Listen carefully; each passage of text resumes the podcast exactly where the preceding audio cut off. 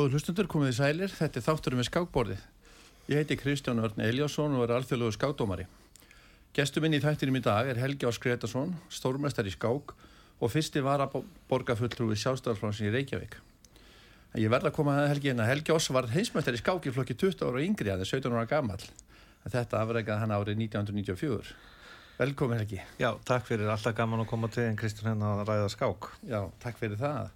Ver, það er svo gaman að við Íslingar höfum átt heimsmeistar sko.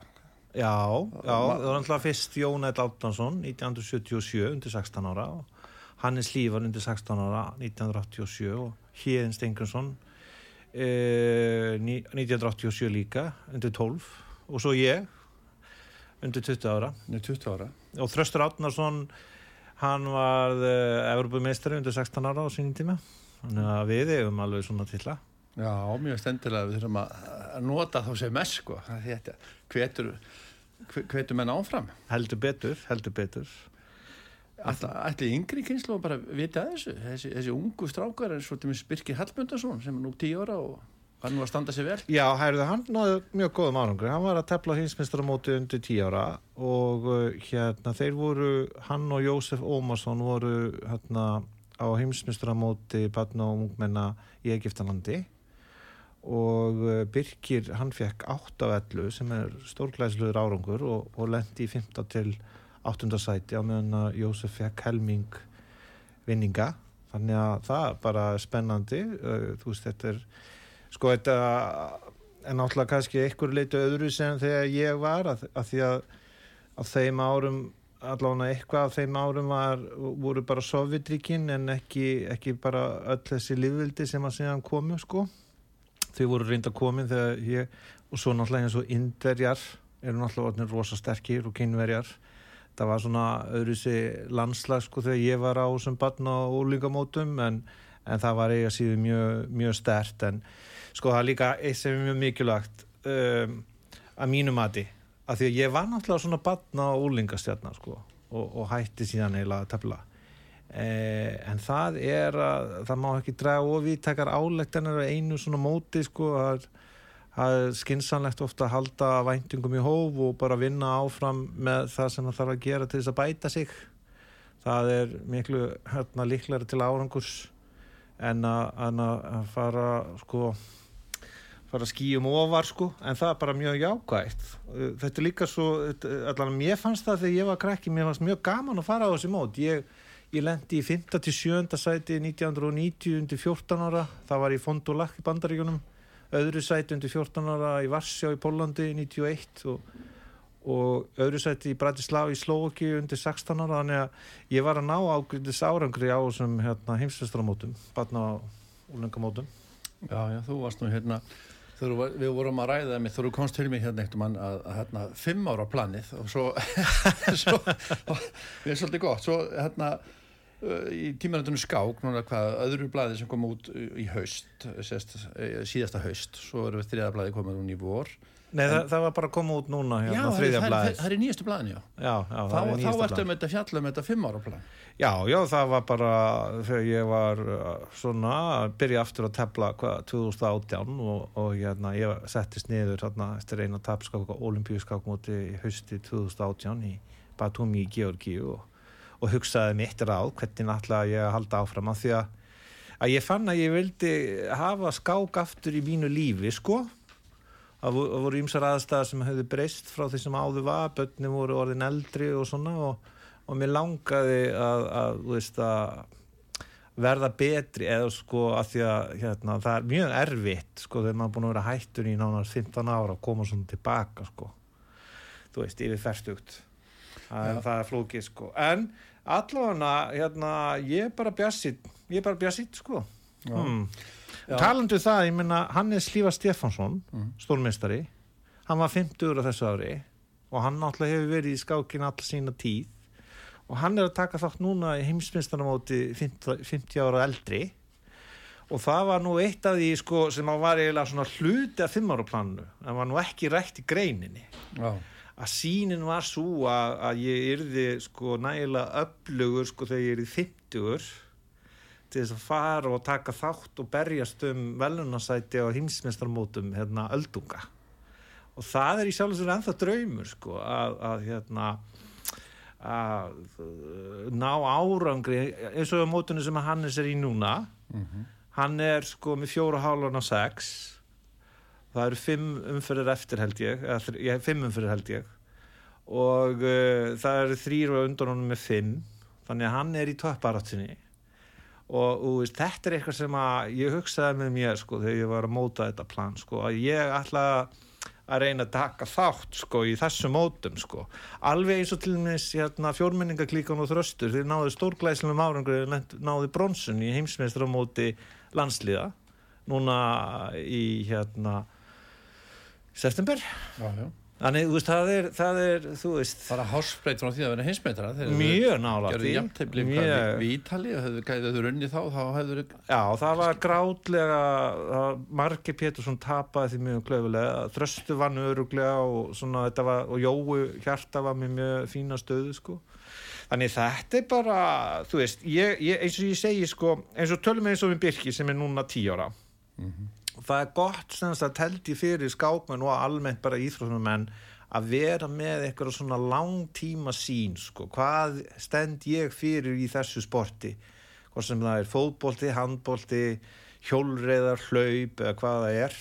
Vera með eitthvað svona gildi sem að svona hjálpa manni að skilgreina sig veist, til þess að móta sín eigin stíl. Að því þú veist sko, til svona árangur í íþróttum þetta er langklaup það þarf sko mín reynsli svo það þarf þólinmæði sko.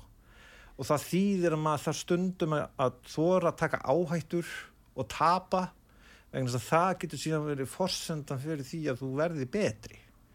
Það eru sumir sem að þóla svo illa að tapa og þóra ekki taka áhættur á einhverjum stigum ferilsins. En þá var mikil hætt á minn staðinni hrættir. Já, það er allan svona mín filosófía, sko, að, að hérna, þetta er, þetta er bara hérna, alltaf verkefni, en allavega, það var mjög gaman að skrifa þessa grein, hún, ansi, hún er ansi, hún er nokkuð löng, en ég held að bara vona, ég nú frekar fengið bara jákvæðið bröðinni, sko, þetta er bara svona saga miðaldra stórmestur að koma aftur í skákina og kofira hérna fimm ára tímabil frá 2000, og- haustinni 2018 til haustins 2023.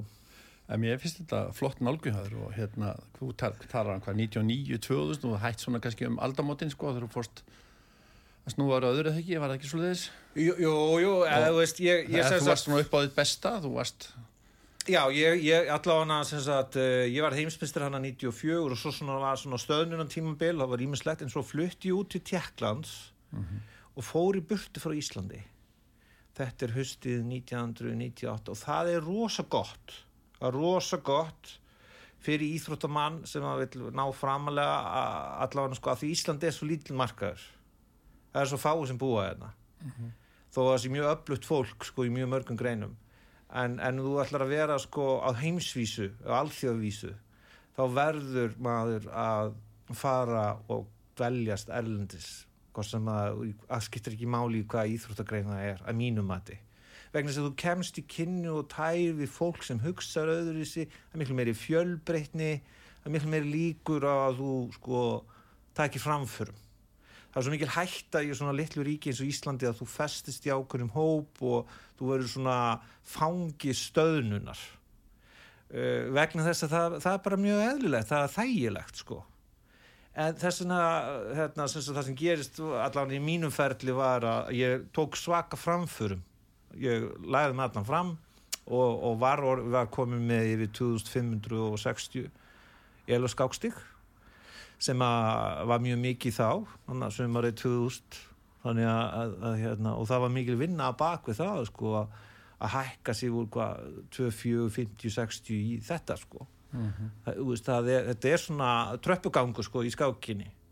Og í þess vegna var ég líka að reyna að segja frá, þú veist, maður svona, sko, hefur svona perspektíf og sjá hvar maður stattur í ferlinu sko. og hvað, þú veist, eh, hvað, það, það, það er svo rosalega mikil vinna sem maður þarf.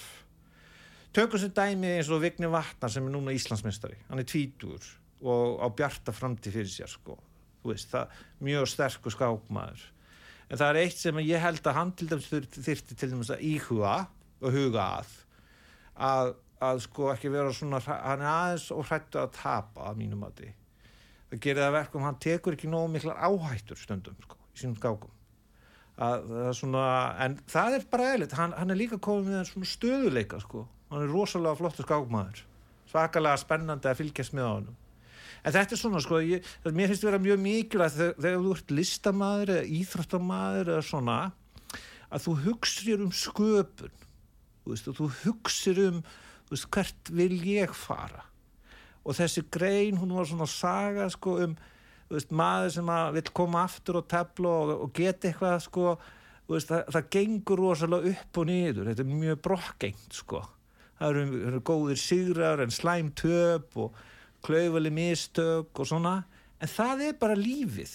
Lífið er svolítið sko rússipannareið Já, þú ferð þarna, svo segir, frá cirka 2560 niður í rétt rúm 2004 2403 eða 5 já, já, já, og þú varst þá fórstu í sjálfskoðun og sagðir, herðu, og var fórst aðeins að hugsa þinn ganga og þá þá, þá, þá hérna fórstu að hugsa út í þetta plan? Nei, það var ekki, var ekki, nei, var ekki alveg svo leiðis, ég var nú ekki alveg komin svo langt niður á það en ég mótaði það plan sko. En ég, ég hérna en aðalatriðið er aðalatriðið er að ef maður hefur tíma og, og hérna, möguleika sko, sem listamæður og íþróttamæður eitthvað svona, ég held að það sé mikilvægt að, sko, að móta langtíma sín vegna þess að stundum vinnumæður og stundum tapamæður og maður verður að geta þóla það að fara áfram sko. E, það er rétt hjá þér sko ég var næstuð komin undir 2400 skákstig. En þá, þá, var, þá var bara svona þú veist eitt og hálft, ár lið frá því að fimm ára planum að móta sko og það hafði hérna, telt mjög mikið hérna 2019 og svona. Bara mjög eðlilegt sko að ja. maður hérna sko ég, ég hlusta á þáttun sem þú hafði reyna síðast við hann Haldur Greta þeir voru að tala svolítið um launasjóð stormistara og þú veist hvernig væri að búið til umgjörð til þess að menna eða árangri og svona. Og meðal annars að það væri erfitt fyrir marga skákmenn að fara til útlanda til þess að verða betri og, og áhugaverð umræða en, en og, veist, fólk getur síðan verið með fjölskyldur og svona en það finnst mér að vera grundallar atri eins og til minnst það sem ég gerði sumari 2019 að, að ég bara fór út um allan heim, ég teldi mjög víða og teldi rosalega mikið e, til þess að koma mér aftur inn í geiran til þess að fá svona rútínu til þess að fá ákveðin svona undustuðu atrið aftur. Komaður í form. Já og, og sko það, er, það var rosalega erfitt ferli vegna þess að það gekk stundum ekkert sérstaklega vel skiluru en allt svona sko, þú veist þú, þú, verður að þóla högg. Þú verður stundum að fara eitt skrif aftur upp ef þú ætlar að fara tvö skrif áfram. Mm -hmm. það er bara hluti af því þessu ferli. Og, og það er mestan hættan sko ef menn eru alltaf allavega það er sem sagt mín eh, sko lífskoðun eða, eða fyrir skákmenn að mann verður að vilja þróa sig sko menn verða að þóra að fara áfram og horfa sér í spekli og hvernig getur ég orðið betri? Mm -hmm. Ég sé hann í blæðinu að við fórum svona aðeins yfir þessi mál eh, þú eru konstöktum menn en, en þannig að þú átti þó þetta blæð var ekki komið út og þú hafði ekki búið að skrifa greinina. En, en þú segist eiga upp á skákmánu þinn sé Alexander Alikin fyrirvændi heimsmeistari. Og svo eftir að vitna hérna í, í Gary Kasparov bók, bókinu hans My Great Predecessors og hérna og svo nefnur ykkur þrjú atrið hérna já, í fyrsta legi, öðru og þriðlegi sem menn þurfa að gera. Og þetta er svolítið þetta er svolítið sko þó að þetta virki bara svona eitthvað setning og svona en ef að mann hugsa út í þetta hvernig menn ég að hugsa þetta þá skiptir þetta rosalega máli að maður gerir þetta. Maður sé að tala eigi umræðu við sjálfan sig. Við hvernig er ég að tefla? Hver eru veikleikar hans, hver eru styrkleikar hans? Að því að stundum með maður bara sko maður sjálfur og, og gerir alltaf sama. Já, algjörlega, en sko þetta er sem sagt eh, ummæli sem að Alexander Alekín, hann var heimsmystari frá 1927 til 46 1946 með tveggjára hlið frá 35 til 37 og hann skrifaði þetta samkant Kaspar og þá skrifaði þetta í New York Times sumarið 1929 og þetta er svona rammar inn eins og ég horfi á skák. Og það er í fyrsta lagi að þekka sjálfan sig. Það, og það felur í sér og þú greinir sérstaklega skákið þína hvernig þú hugsar og hvernig, eh, hvað, hvað gerur við vel og hvers vegna þú tapar. Það er mjög mikilvægt að reyna að draga lærdóm á tapskáku sínum og til þess að fækka mistökum. Mjög mikilvægt að reyna að fækka mistökum. Svo í öðru lagi það sem hann talar um að þekkja og skilja anstæðingin hvað gerir hann vel og hvað gerir hann illa? Og reyna að þróa bardaðan þannig ef ég, ég horfa á skákins og bardaða þannig að það eigur líkunar á að hann takja ákvæmuna sem eru rangar. Að, og ég takja ákvæmuna sem eru réttar og, og, og þannig að ég ætlir þó kannski stað mín einhverju tímapunkti sé aðeins lagari en þá kannski stöðu típan og bara á þess aðeins að líkunar er á að við komum til anstæðingus og gerir mistök og þá svissar og ég fæ það sem ég vil og vinn skákina. Og svo er það þriðja atrið sem er að horfa á skák svolítið svona eins og list eða sköpun að, að þú sért alltaf leitandi að, að, að besta leiknum að þú sért svolítið leitandi að fegurðinni í skákinni. Og þetta var í raun og raun svona það sem Alikinn sagði 1929 og mér finnst rammaðinn ágætlega eins og ég hugsa um skák. Mér finnst þetta alveg frábæri punktar. En sko það er stundum orðið manna fallið að maður næra að tefla einhverja skák vel. Hún er rosalega flott, maður er rosalega ánað með hana. Þetta er eins og þú segir, þetta er listaverk. Og í staðan fyrir stundum að að, að hérna bara að klára þetta og vinna skákina þá vil maður halda áfram í listaverkið og, og gera ykkur að vittlus og tapar.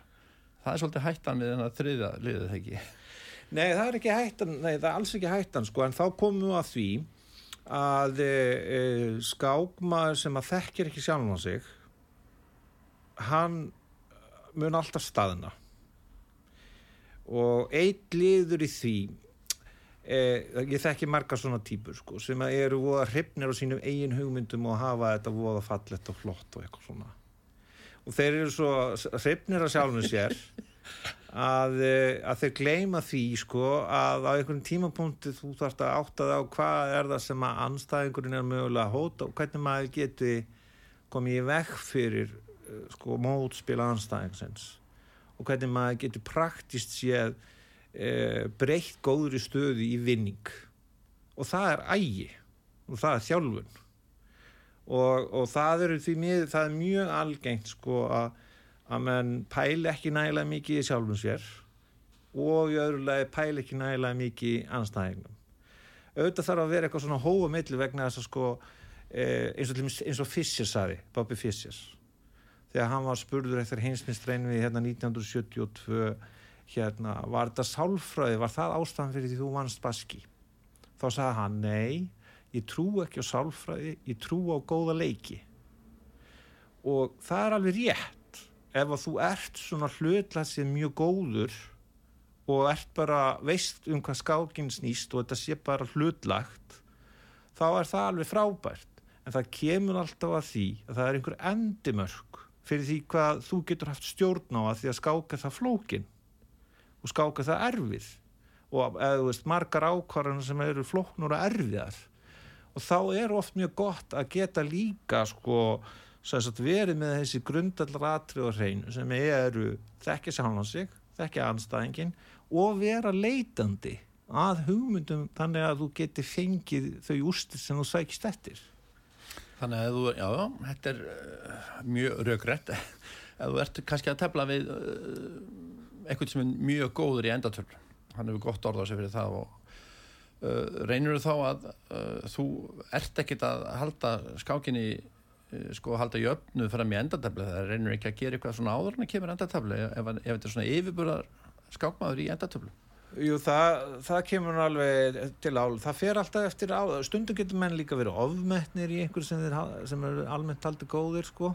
Uh, tökum sem dæmi, Jóhann Hjartarsson saði mér einu sinni þegar hann var undirbúið sér fyrir Kostnói. Kostnói var þá talin, var, þetta var, var áskrundaðinu í 1988 og hann var talin vera svo góður í endartöflum. En það var Mat Jóhanns, eftir að hafa skoðað og undirbúið sig að Kostnói gerði mörg mistök í endartöflum uh, sko, leikilpunkturinn er sko, sömi skákmenn nálgast að þannig eins og til og með Skligorið sem var mjög þekktur skákmaður og skákdómar og fleira. Hann sagði, ég tefli bara við mennina en ekki við sko anstæðingin, ég bara er að horfa stöðuna sko. Það eru margir sem nálgast skák svo leis mín nálgun er ekki þannig sko. Uh, það er alveg rétt, ef ég væri að tefla við eitthvað sem ég myndi álita að væri sterkur í endatöflum þá myndi ég reyna að breyta mínum stíl þannig ég færi að tefla upp á mát þannig ég myndi bara máta ná en ég færi í endatöflið og það, það, þú veist, maður verður að vera sveigjanlegu stundum ef maður er að tefla við sóknarskagmann og þá verður maður að vera nægilega sveigjanlegu til þess að velja, heyrðu, ég teflir bara hérna eitthvað rólega og svo læti hann koma á mig og þá ger ég hann eitthvað mistök mm. eða ef maður er að tefla einhvern svaka pósaskákmann þá spyrir maður sig hvernig getur maður hrært upp í hlutunum og, og komið hún úr jafnvægi sko. þannig að ég allavega mér fannst bara sko þetta var smá hreinsandi að skrifa þess að grein ger upp þetta fimm ára tímabil og svona koma þessum hugmyndum á framfæri vegna þess að til og meins eitt af því sem ég gerði hérna sömari 2019 þegar ég var bara alltaf að fara að einbita mér á skákinu það var að ég fór í skáksöguna. Ég las Kaspar og ég fór að rivju upp það sem ég kunni um skáksöguna og pæla í ákveðinu svona grundallar atriðum. Og það er þannig sem að ég held að það sé mjög mikilvægt að, að margir skákmenn að þeir til ekki sér svona ákveðin grundallar atrið sem að skáksaðan getur kent manni það er, það er gaglegt sko. Mm -hmm. að því við erum svona að ræða fimm ára plani það er svolítið gott. Það stendur einmitt ykkar einu þú að setja Jóhann Hjartarsson hann er svolítið, hann er svolítið stríðið hann, hann spyrði stundu sko hvernig gengum við fimm ára planið? Já ég var að segja fólki eitthvað frá þessu þannig að Olipíuskapmótan í hösti 2018 í Batumi og og eitthvað að ræða þetta og þá var hann ofta stríðamanni gera létt grínamanni með, með eitthvað svona hugsun sko á, en uh, það breyti því ekki. Ég allavega held að það sé skinsamlegt fyrir íþróttamann að svona í einstakleins íþrótt eins og skák sko. Þetta getur verið keila þetta getur verið badminton bórtennis, þetta getur verið hvað sem er sko. Að það er að, að sjá fyrir sér sko hvernig hægt og rólega maður gæti orðið betri. Og svo allt í einu áður maður veit af þegar maður kannski búin að ganga illa þá er svo svaka stökk fram á við. Mm -hmm. En maður verður búin að vera að leggja á sem mikla vinnu fram að því jætti þó að þú fái mjög mikið andbyr og mótbyr það maður verður að vera með bakbein til þess að taka stáfið það sko. það hljómar mjög skynsalett og er það? Að mínum Þarna... En svo er líka eitt undurstöðatrið sem er að maður verður að hafa gaman. Maður verður að hafa allan ég, ég persónulega ég er mjög fegin að hafa hleyft skákina aftur inn í mitt líf. Ég var búin að loka á skákina meir og minna í mjög langan tíma og svo ég bara og ætla ekki að vera í löffröð, ég er með stóra fjölskyldu og ég ætla ekki að eigða tími í þetta. Þetta er bara, ég hef ekki tími í þetta. Ég ætla ekki að gera þetta. Og það eru margir mjög sterkir skákun sem bara taka þann pólinu og bara, ég er hættur ég er farin, bless. Er þetta að lifa skákinni bara? Já, já, það, já fyrir utan það hérna, það er mjög erfitt. Það er mjög erfitt, en allan ég mér finnst þetta að hafa gefið mínu lífi töluvert, að hafa leift þessu að koma aftur inn og ég finn mikla gleðu og ána í mínu hjarta. Og það, það er líka mjög mikilvægt fyrir íþróttamenn sko, að menn verði ekki svo upptjúnaður af aðtönnum sko, að, að þeir gleymið í að ástæðan fyrir þeir rísu ykkur tíma þegar þeir voru krakkar eða hvað svo sem er að þeir höfðu gaman að þessu. Og það er þessi ástriða ég held að það sé engin skákmaður sem getur náð langt til lengri tíma án þessar ástriðu mm. það er mjög mikilvægt. Hún talar um áðan þegar þú fluttist út til Tjekklands og munurinn til dæmis á að búa svona úti í einhver ár eins og þú segir, kynast mannlífinu og, og, og, og slikt og vera til að sinna sínu sinni skáklist. Og að ferðast uh, fara á skákmónt kannski nokkuð sem ári er, er mikill munur á þessu að farðu sko þessa reynslu sem þú fjast með að búa úti með því að ferðast mikið? Já, að sjálfsög, að sjálfsög, en svo líka bara eins og hlumist í Tjekklandi að maður kannski taka þátt í deildakeppnum og svo kynntist maður fólki sem maður var að æfa sig með öðrum sterkum skákmönnum. Uh, svo líka sko bara eins og til svona atskákmót mögulega hraðskákmót og maður svona kynnist sko fullt af skákmönnum á miklu sko, hvað maður að segja á fjölbreytilegri hátt. Fólk sem hugsaður allt öðru sem skák en, en kannski fólk almennt séð vant hér á landi. Og sérmaður og þú veist, það er svo, mar það vittir í þessu geimi eða í þessum, í skákinni. Og það er, það er það, þá, þá, þegar þessar nýju vittir opnast og þá verður maður fjölbreyttari og maður, þú veist, maður hefur maður er ekki þröngum hóp. Það er mjög mikilvægt. Og líka til dæmis eins og, eins og ég voru aftur að tala um hérna þegar ég sömurinn 2019 eins og kemur fram í greininu hérna fimmaraplani að, að ég ferðaðis mjög, ég fór til Bandaríkjana ég fór til Noregs, ég fór til Lettlands, ég fór þú veist, til Úkrænu ég fór til eh, Krítar, Svartfjallands eh, Georgiu eh, Eistlands og ég var endalust að tefla. Og, og sko svona sagt, intense að vera svona hvað maður að segja, mikið álag á svona segja sex mánuða tímabili það, það skila sér alltaf sko. En auðvitað kostar þetta tölverðan pening. Mm.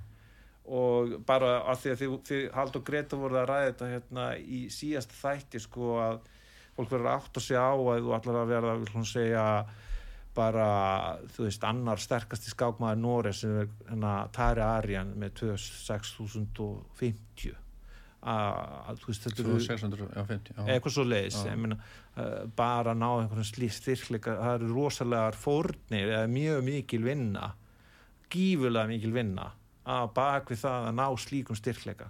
Alveg saman hversu hæfileika ríkur þú ert. Og það, það bara er þannig sko.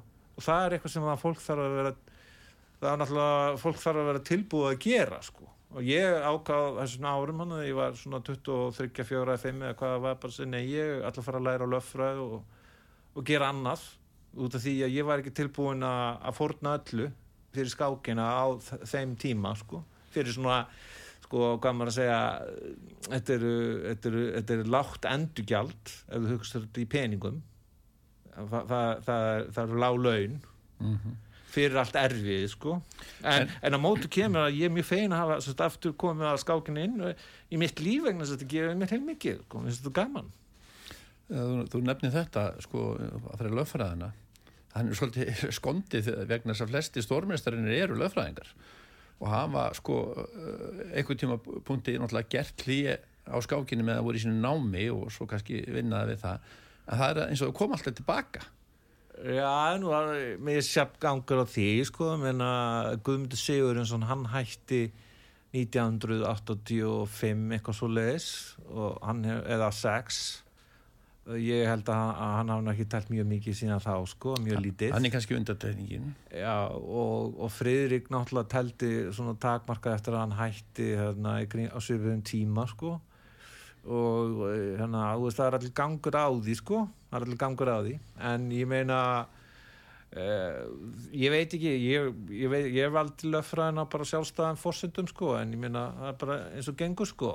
Að, það er nú líka spennandi við Vigni að ég upplifa hann allavega þannig að hann ætla að leggja þetta fyrir sig. Hann er mm. tvítur og hann ætla að leggja þetta fyrir sig. Þetta er það sem hann ætla að gera það sem eftir er æfinar og, og eða þú veist, mér finnst það þú veist, það er náttúrulega spennandi að sjá hvernig næstu árinu mikilvæg næstu fimm ári eða svo. Það er að búið til fimm ára plan fyrir hann. Já, já, það er nefnilega máli, hann og, og Dómálsjúk og, og þessa stráka og Hilmi Frey og þessa ungu stráka sem að eru svolítið að fara að taka við og hérna e, vantalega einhvern veginn í framtíðinni.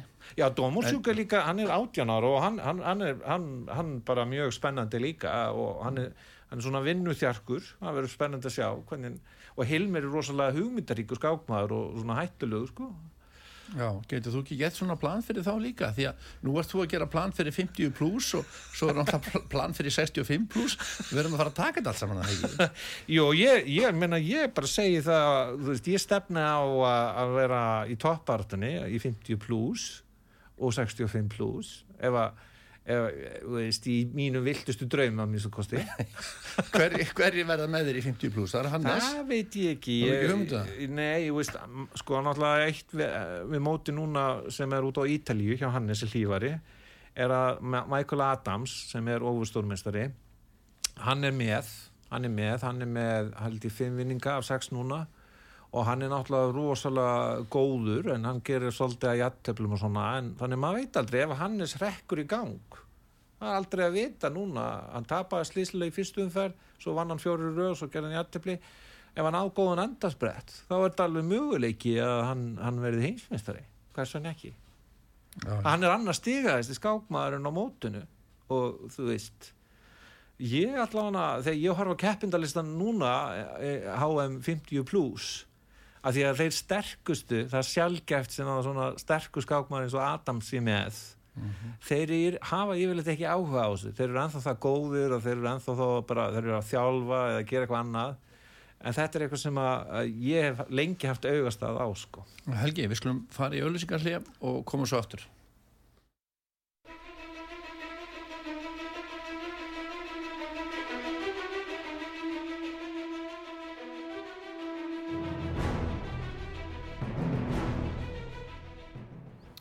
Já, já, þá eru komin aftur. Ég heiti Kristján Örn Eliásson og við erum í þættunum við skákborðið. Gestuminn í dag er Helgi Ás Gretarsson, stórmestari í skák.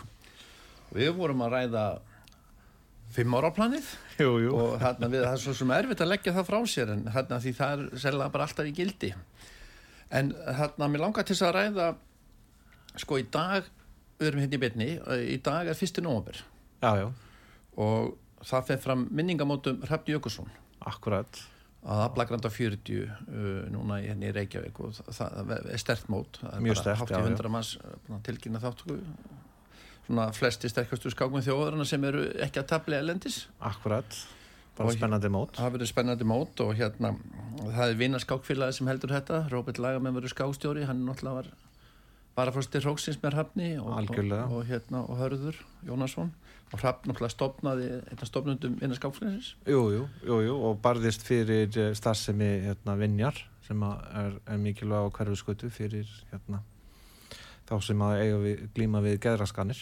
Já, já. Áður við kannski förum í þetta langa myndi að því að stóð til að Ívan Sókóla myndi mæta hérna, stórmestari Já, einmitt, og hann, mér skilst að hann kom ekki en forfallaðist. Akkurat, og hann, hann náttúrulega komi oft hérna og teldi, teldi hérna í Íslandi svona Íslandsvinnur svona já. áður við förum í þetta þá langar mér aðeins að því að hann er náð svo góðum árangra því að það var svo gott að spjalla við þig hérna á það því þú ert svona eiginlega, mér dætti huga að taka viðtal við hann svona um, um svona íslenskt skáklíf og, og svona en það sem hann kemur ekki þannig að ég er búin að eiga þetta bara viðtal við þig. Hva, hvernig sko hvernig hann sæi framtíðina eh, sko, hvað er þetta að gera? Því hann er náð svo góðum árangur hann er náttúrulega uh, tefnum með Hollandi, uh, Bosníu svo er hann búin að gera það á Olympiumesturum hérna. Úsbyggistan hann er náttúrulega þekkt, hann er náttúrulega búin að skrifa marga bækur og þekktu þjálfari og, og mjög dýnamískur skákmaður og kraftmikill og, og hérna svona kerfisbundin, hann er mjög, mjög flottur skákmaður, mjög flott og þjálfari. Og ég, en ég verð að segja sko, þú veist, e, fyrir einhverjum árum síðan þá hafði ég töluverðar áhugjur af framþróun íslensk skáklífs en í dag finnst mér uh, svona mjög, bara nokkuð bjart sko, mér finnst uh, þessir ungu skákmenn sem eru núna að koma upp eins og Vignir og, og hérna, Dómursjúksasa og hann Hilmir bara svo nokkru síðan nefndir uh, vera nálgast þetta af fagmennsku og mjög duglegir og tefla töluvert og, og svona það sparkar í þá sem að eldri eru og hérna það er svona, svona tölur skáka og ég er svona á, á, á hérna grunnskólastígi þannig að veist, mér finnst vera svona nokkuð bjartara sko yfir, yfir þróun í íslensku skákræðingu en, en, en allavega fyrir, við skulum segja 15-20 árum eða hvað það var sko. E, með tilliti til þess að fá, fá öfluga stórmennstara sko. Mhm. En þekkið þú eitthvað meira til hans hann, hans aðferði, ég veit að hann var að þjálfa eitthvað, hann var að þjálfa í Hjörvastein þegar Hjörvastein fór yfir 2.6 og mér skist að hann hefði bara, sko, það var bara prógramið var þannig að þú bara vaknast nemma og byrja strax.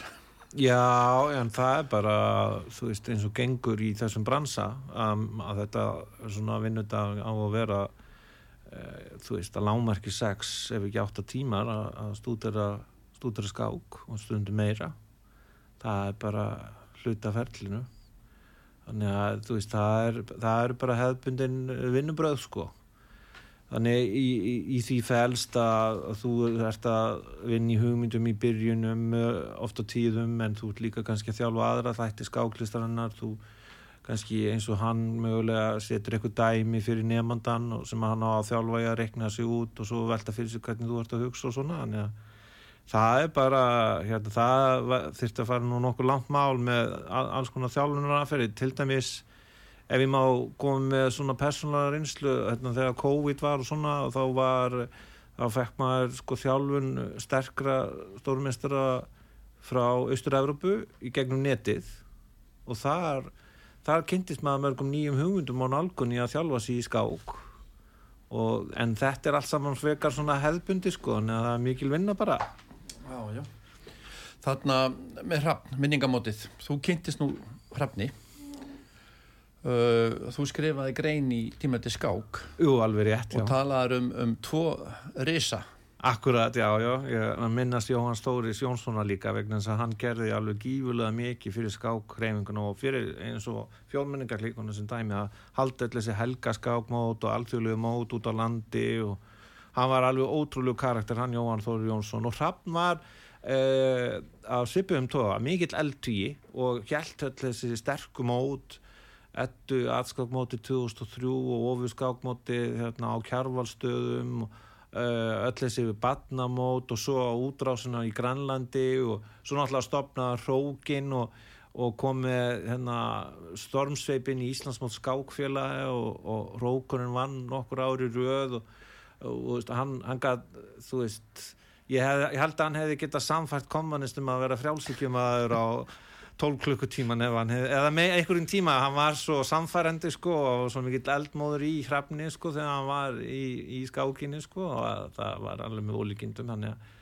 það er, það er ekki margi sem hafa þetta sko þessa orgu og þetta hérna þessa að fylgja eftir viltustu hugmyndum sínum sko og koma þeim í verk og þannig að hann þetta var náttúrulega alltaf svolítið svona dýna, þetta var svona mjög gott fyrir skákina þýleiti þetta var svona dýnamíst og hann kom alltaf með eitthvað að borðinu og mm -hmm. hann er að, að hérna, það var mjög gaman hann meðal sjálf stóra eða Rókurinn, skákátti á Selfossi held ég 2000 hausti 2002 eða 2003 ég man ekki alveg hvort. Og þetta er bara svo margt sem hann gerði hann hrapt sko fyrir, fyrir skákina og, og hérna og svo var hann aðalega á setna árum þegar hann var í skákinu var, var hann að breyða út skák á Granlandi og, og hérna sem var líka mjög áhugavert. Mm. að hann var alveg ótrúlegu maður, hann Rapp Jökulsson þegar kemur að, að, að hérna, þróa og, og koma skáklistin á framfari hér á landi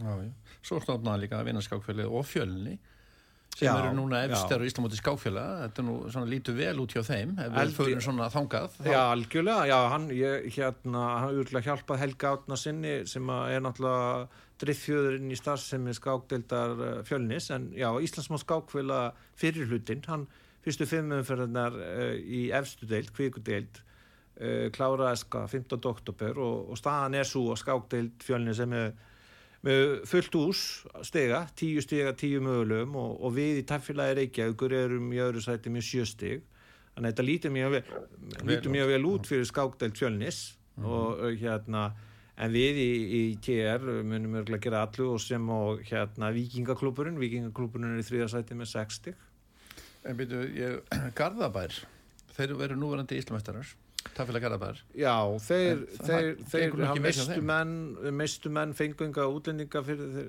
já, þannig að þeir eru í næsta sæti, sko, þeir eru með Hannes Lívar og uh, Hjörvar. Stein og, og það, það, svo á neðri borðum voru þeir almennt sér veikari, sko, þannig að þeir voru ekki að sapna mörgum vinningum og fengu bara eitt steg í fyrirlutunum og auðvitað hafa völ á að kalla til einhverja útlendinga kannski í setni hlutunum þannig að það getur svo sem allt gerst í þeim öfnum en eins og ég skil máli þá, þá hafa þeir ekki fjármagn allan ekki fyrir, fyrir þennan fyrirluta til þess. Mm -hmm. skákdelt fjölnis var með sko fjóra öllu og stórmistara þar af voru þeir með þrjá frá litáin sem að fengu skal ég segja sko 13,5 vinninga 15 mögulegum, þeir voru bara eins og ryggsur hérna á fyrstu þrjum borðunum sko. þeir voru ótrúlega góðir Ungir, sko. hressir og, og sterkir strákar Já, mjög, ég, ég er náttúrulega kynst þeim aðeins uh, hérna þegar, þegar ég byrjaði aftur að tefla og hérna, já uh, ég, man, ég tældi við Pultenius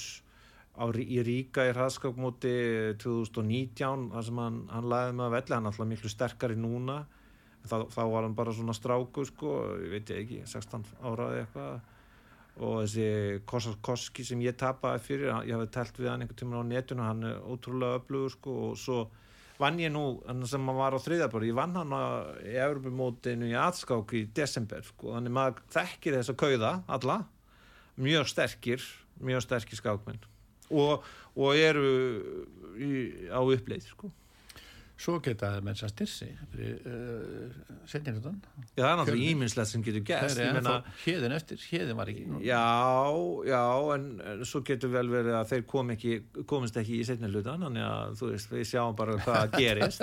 ha, þetta verður spennandi, en ég meina svo er náttúrulega eins og upp á hverju komast upp í kvíkudeildina, það í efstu, efsta sæti í fyrstu deild er, er hérna breyðablík A með áttastig áttamögulegum og svo er skákfélag Akureyrar Asveit með, með sjösti keppnin er á milli þeirra og þessi tvö lið skákfélag Akureyrar og Breiðablík Asveit tefla hérna í loka umferðinni í fyrstu dildinni þannig að þetta er alltaf spennandi keppni sko. En gott hjá Breiðablík vegna þeir eru búin að missa hérna sko Vignir fór yfir í Káar hann var með Breiðablík og, og Hilmi Frey líka.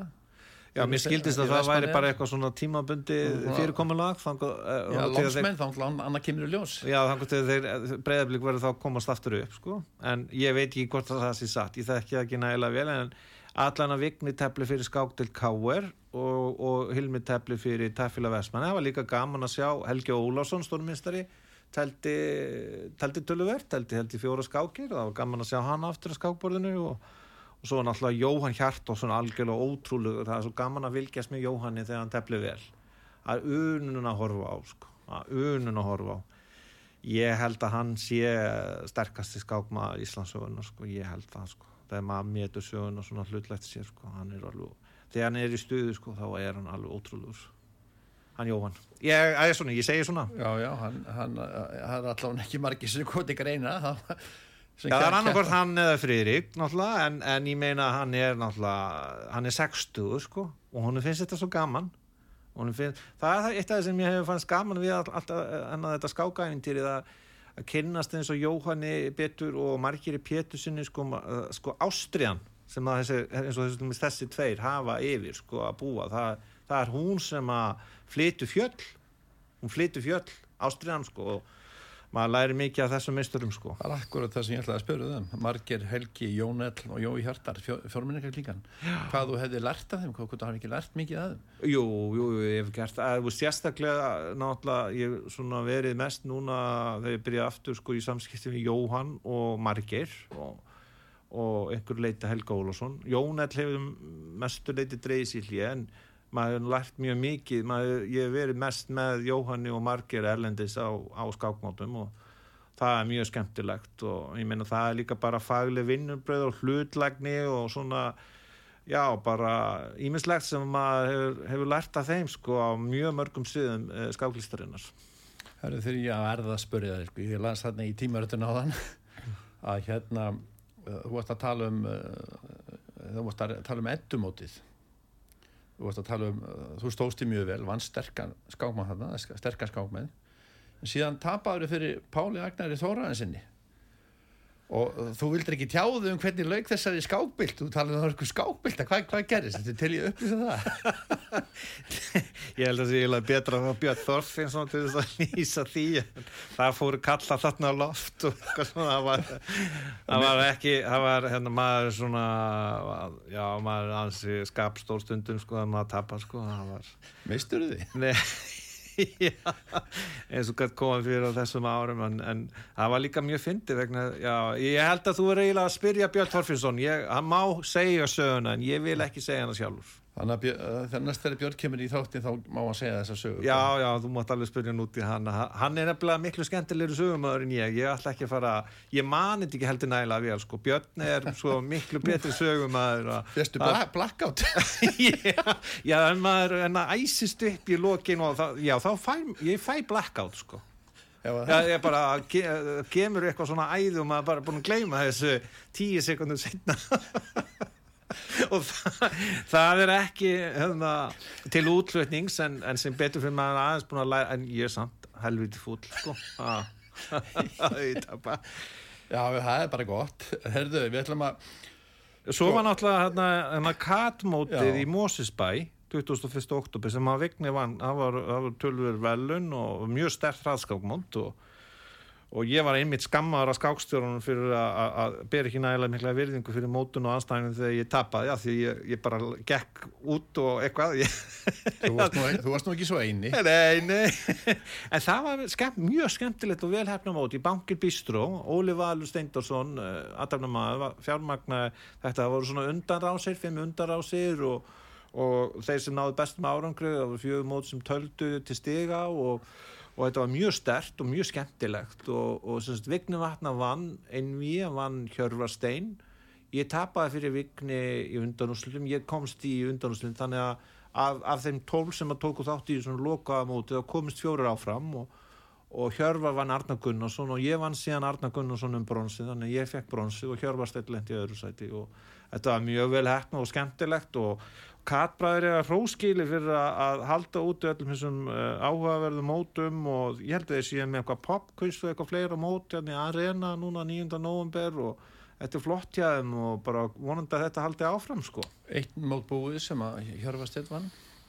Já, það var hérna A- Arion Banki Invitational það var svona léttmót, hraðskákmót og, og Hjörvar vann Helga Ólafsson í úslitum og það var mjög stert sko. Ég konst í miður ekki, ég var á fundi en ég gæti ekki verið með en, en það var gaman að fylgjast með því Vignir lendi í þriða sæti Mm það var mjög, mjög skemmtileg og svona létt stemningi við því Þarna, við erum aðeins búin að tala um árangur Birkis Hallmundarsson ung stra- dreng sem er hvað, 10 ára og sem að var þarna í 15. til 18. sæti á heimsmyndarmóti Þarna. mjög, mjög flott hjá hann og svona, þú varst aðeins að tala um það að sko, þetta svona bara svona kannski fyrsta skrefið, við þurfum að passa okkur að, að fagningi og snemma, það þarf að halda vel um, um, um hann og, það þarf að fylgja svo eftir. Algjörlega, hann þarf að fá fimm ára plani hjá þér. Já, sko, að, að, bara líka mín reynsla sko úr sem barnólingamótum er að eh, í Austur-Evropu á þessum mótum, sko, þá var verið, eða þú veist, vegna þess að í Austur-Evropu, ef þú kynnist svona sögu, sagt, skákmenningar í Austur-Evropu, Rúslandi og annar staðar, sko, Úkræn og annar staðar, að, að þegar þú ert að hugsa um svona ungan skákum, þú ert að þróa vinnubröð og þú ert að þróa okkur hluti, úslitinn og árangurinn á svona barnólingamótum er ekki beinlinis aðalatriðið, sko. Þannig að menn verða alltaf sko að horfa á sko vinnubröðin og að búa til einstakling sem að getur náðu árangri á fullarnins árum sko. Þannig að menn verða alltaf að hugsa þetta svolítið ekki út frá því alltaf að ná árangurinn næst og næst og næsta móti. Heldur hvaða vinnubröð henda, hvað er best fyrir þennan skákmann eftir, eftir x, y tíma og sína verkefninu þólumæði. þetta er vegferð Já, eh, ég, ég, mér finnst það að vera mjög mikilvægt sko, að horfa á það þannig. hann, ég, ef ég mann rétt þá í síðastu umferðinu vann hann einmitt stegasta mann mótsins Mjög flott skák, mjög flott, já, það var bara glæsilegt. Já. En uh, uppsalamótið, Já, það er núna í gangi og, og hérna Jósef, Ad, nei, hérna fyrir Adam Ómarsson hefur, hérna hefur staðið sér vel. Í síðast ég vissi þá var hann með fjóra og halvan eða af, uh, byttunum við, af sjö held ég. Ég held að hann hafi verið í hérna topparáttunni og uh, hérna já, hérna, en byrja hérna með þetta fyrir frá mig. Og Stefan Brím, hann vann Vigni Vatna, gerði sér lítið fyrir og vann Vigni Vatna, hann er með fjóra hálfan sko. Og Sasa og Vignir eru með, með fjóra sko. Og ég veit að í fyrru umferðin í dag þá var sem sagt að Vigni með kvítt á Adam og, og Sasa Alexander Domolsjúk hann var með kvítt og Stefan Brím og það eru hann að þrýr efstir með fimm vinninga á sjö. Það eru mótinu líkur í dag. Það verður spennandi að sjá hvernig þeim gengur. Okkur hann kallaði Sasa. Uh, ég veit það ekki. Það, ég held að það sé algeng stytting sko fyrir Alexander. Já, já, alveg eins og til dæmis Alexander Grissuk er kallaðast Sasa. Já, þannig það er bara í Östur-Európu sko. Það er allþekkt Og svo eru er, er, er, er, EM landsliða framöndan? Já, og Ísland er í opnuflokki er nú með 30 af 38 þáttöku þjóðum að metið á stegum sko, þannig að þetta er gífulega stert sko og það er bara verið að rekna út meðast í þeirra sem eru fjórir efstu sko og við erum með Hannes Lívar, Hjörvar Stein uh, Guðmund Kjartansson og Vigni Vatnar og svo var að maður Hilmi Freyr og þetta er rosalega stert og erfitt mót sko, þetta er, þetta er rosalega þannig að þú sér það að Ísland sko fyrirfram með er ræði nú við 30 af 38 keppnistjóðum þannig að þetta verður skóli sko, þetta er gott fyrir Vign og Hilmi sérstaklega því þetta er í fyrsta skipti sem þeir taka þátt í svona landsinsverkefni og svo er EM hennar kvanna og, og þar er Ísland í ræða nú við 27 af 32 keppnistjóðum og, og það er, það er náttúrulega spennend að sjá að því að nú erum við komið hann á Olgu Prútnikovu sem að flutti frá Úkrænu og, og er ansi sterk. Hún teflir hérna fyrir okkur í tæflaði Reykjavíkur og stóð sér til vel í Íslandsmóti skákfélaga og, og eigimæður hennar tefli fyrir skákdeild Káer hann verður vantilega með okkur á eftir Kristján í mótunu, minningamótunu já, við ætlum að fara já, já, við erum að fara, já, við erum að fara þangað í Ablagranda að, að hérna, tefla, það verður gaman og e, þannig það verður bara spennandi það byrjar held ég núna hvað, 10. 11. november mm -hmm. ver, og svo er náttúrulega í gangi núna alveg gífulega stert svona e, Grand Swiss fítimót þar sem að tveir efstu tveir efstu í því móti mótið er haldið á einni mön og tveir efstu munu tryggja sér rétt til að taka þátt í á, næstu áskorundakefni mm sem að myndi þá sem að ski, myndi þá sker úr hver fengi að skora á heimsmyndsran Lirin Ding á Holm og, og, og meðal keppenda er meðal annars hérna, Fabián og Caruana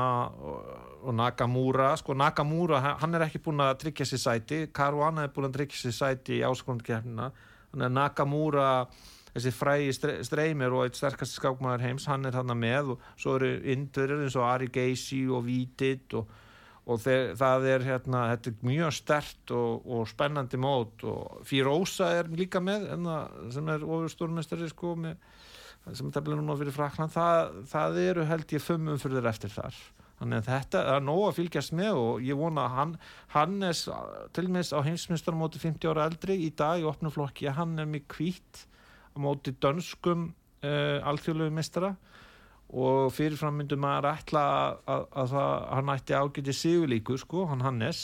Og þá væri komið með 5,5 af 7 ef hann vinnur í dag. Og ég er bara virkilega að vona að hann ta taki góðan endasprett og, og ná allavega í velunasæti það væri frábæður Það er mikill uppgangur núna í skákinu það, það, það, er, það er alltaf gerast. Það er nóg, nóg um að vera, um að vera. Sem, þegar ég var að tala um uppgang þá var ég líka bara að vísa sko, mér fannst íslenskir skákmenn E, hérna vera svolítið lati fyrir einhverjum árum en þeir þessum sterkustu eru núna miklu meir dugnaður sko, ég er bara bjassítn á að, að þetta hérna, gangi allt saman vel og það er mjög vel við hæfi að ljúka deginum í dag að fara á minningamót Raps Jökulssona sem við hefum svo marga uh, mikið að þakka hérna, mm. íslenska skákreiningin Það er rétt og Guðni Jóhannesson fórst í Íslands verður þar og hann ætlar að leika fyrsta leikin fyrir Hjörvar Stein Gretarsson Já, já, frábært í, ég veit ekki hver anstæðingur hans verður og eftir að para.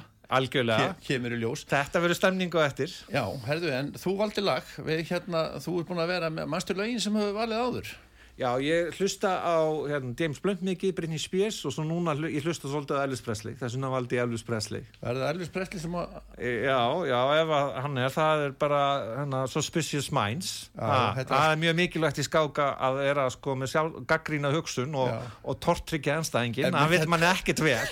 En það er allt tortryggilegt.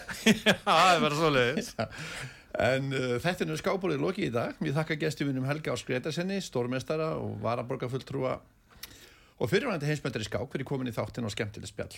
Takk fyrir Kristján. Braga reynisinni þakka fyrir tæknumál og stjórnun útsendingar, hlustundum öllum fyrir hlusturina. Ég heiti Kristján Örn Eliasson, verið í sæl og góða stundir.